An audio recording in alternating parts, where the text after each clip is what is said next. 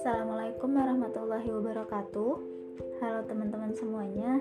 Di sini saya akan sedikit menjelaskan tentang investasi suku korporasi yang di mana perlu diketahui dulu bahwa sifat dasar sukuk bukan sebagai surat utang, melainkan bentuk investasi berupa kepemilikan aset yang menjadi dasar penerbitannya.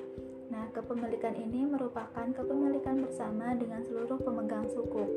Adapun praktiknya yaitu pada sukuk mudorobah pada Mayora Indah di tahun 2012. Akad yang digunakan adalah akad mudorobah atau bagi hasil Aset yang mendasarinya itu kontrak penjualan antara perseroan dengan PT Indisco Niaga Tama Semesta dengan nilai emisinya 250 miliar rupiah dengan jangka waktu 5 tahun, kemudian dengan imbal hasilnya sebesar 39,29% dari pendapatan dibagi hasilkan. Kemudian ada skemanya yang pertama, investor menyerahkan dana sukuk kepada Mayora dan Mayora menerbitkan sukuk dengan akad mudoroba. Yang kedua, dana sukuk digunakan untuk modal kerja produksi. Dan yang ketiga, penjualan hasil produk melalui kontrak penjualan kepada PT Indisco Niaga Tama Semesta. Yang keempat, keuntungan dari kontrak penjualan dibagikan kepada Mayora dan investor sebagai imbal hasil. Dan yang terakhir, saat jatuh tempo, Mayora mengembalikan modal kepada pemegang sukuk.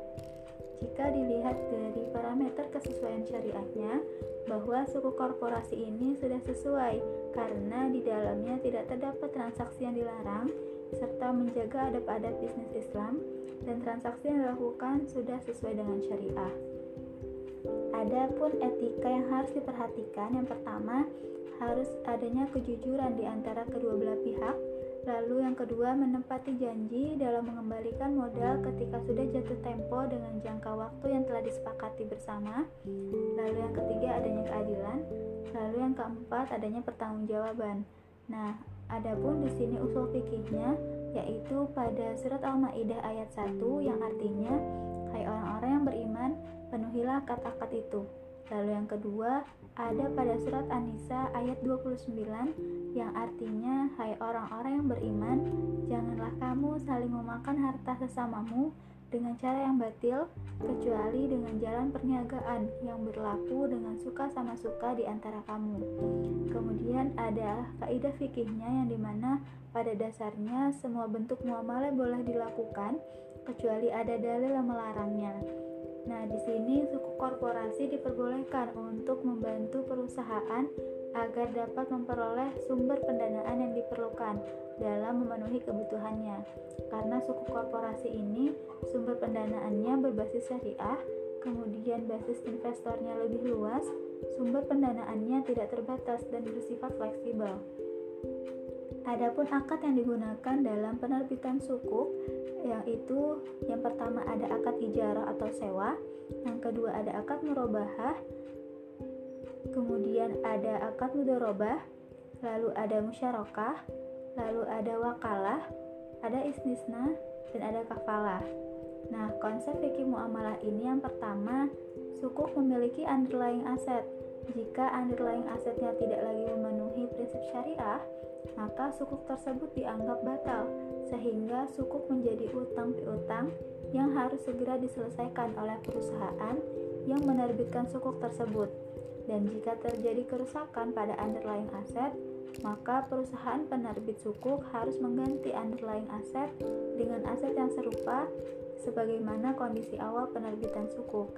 Dan yang kedua, dana sukuk yang digunakan harus untuk kegiatan yang sesuai dengan prinsip syariah. Oleh karena itu, perusahaan dalam merencanakan penerbitan sukuk harus memastikan bahwa dana sukuk yang akan diperoleh digunakan untuk kegiatan usaha yang tidak bertentangan dengan prinsip syariah di pasar modal. Dan yang ketiga, untuk imbal hasil yang diberikan kepada investor sukuk dapat berupa bagi hasil, margin, atau imbal jasa tergantung pada akad syariah yang digunakan dalam skema penerbitan sukuk. Nah, akad-akad yang sudah dijelaskan tadi ada pada fatwa DSN MUI nomor 9 tentang ijaroh, kemudian ada fatwa DSN MUI nomor 7 tentang mudoroba, ada DSN MUI nomor 8 tentang musyarakah, kemudian ada DSN MUI nomor 10 tentang wakalah, lalu ada DSN MUI nomor 6 tentang istisna, dan DSN MUI nomor 11 tahun 2000 tentang kafalah. Nah, pada eh, kata-kata uh, yang telah dijelaskan ini bahwa ada pada standar syariah internasional juga yaitu AAOIP nomor 9 tentang ijaroh dan ijaroh mutahiyah bitamlik kemudian ada pada AAOIP nomor 11 tentang istisna dan paralel istisna. Lalu ada AAOIP nomor 12 tentang musyarakah dan perusahaan modern. Lalu ada AAOIP nomor 13 tentang mudorobah. Dan yang terakhir ada AAOIV nomor 17 tentang investasi sukuk. Nah, investasi sukuk ini ada undang-undang atau regulasi terkaitnya yaitu pada POJK nomor 18 tahun 2015 tentang penerbitan dan persyaratan sukuk. Lalu ada POJK nomor 11 tahun 2018 tentang penawaran umum efek bersifat utang dan atau sukuk kepada pemodal profesional. Lalu ada juga contoh jurnalnya yaitu pengaruh rasio profitabilitas, rasio likuiditas, rasio leverage dan dan pendapatan bunga terhadap rating suku korporasi periode 2010 sampai 2013. Lalu ada pada pengaruh faktor makroekonomi terhadap pertumbuhan suku korporasi di Indonesia periode 2011 sampai 2015. Nah, di sini pun ada berita atau informasi yaitu pada liputan6.com PT Garuda Persero Tbk menunda pembayaran kupon global sukuk dari periode masa tenggang selama 14 hari yang berakhir pada 17 Juni 2021. Direktur Utama Garuda Indonesia mengungkapkan bahwa keputusan Garuda Indonesia untuk menunda pembayaran kupon global sukuk ini merupakan langkah yang berat yang tidak terhindarkan.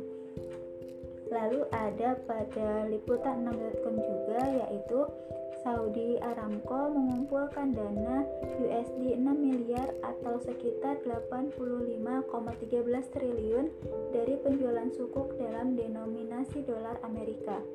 Saudi Aramco mencari dana untuk memenuhi dividen tahunan sebesar 75 miliar dan mengurangi beban utang yang membengkak setelah akuisisi raksasa bahan kimia lokal Sabik dan jatuhnya harga minyak tahun lalu.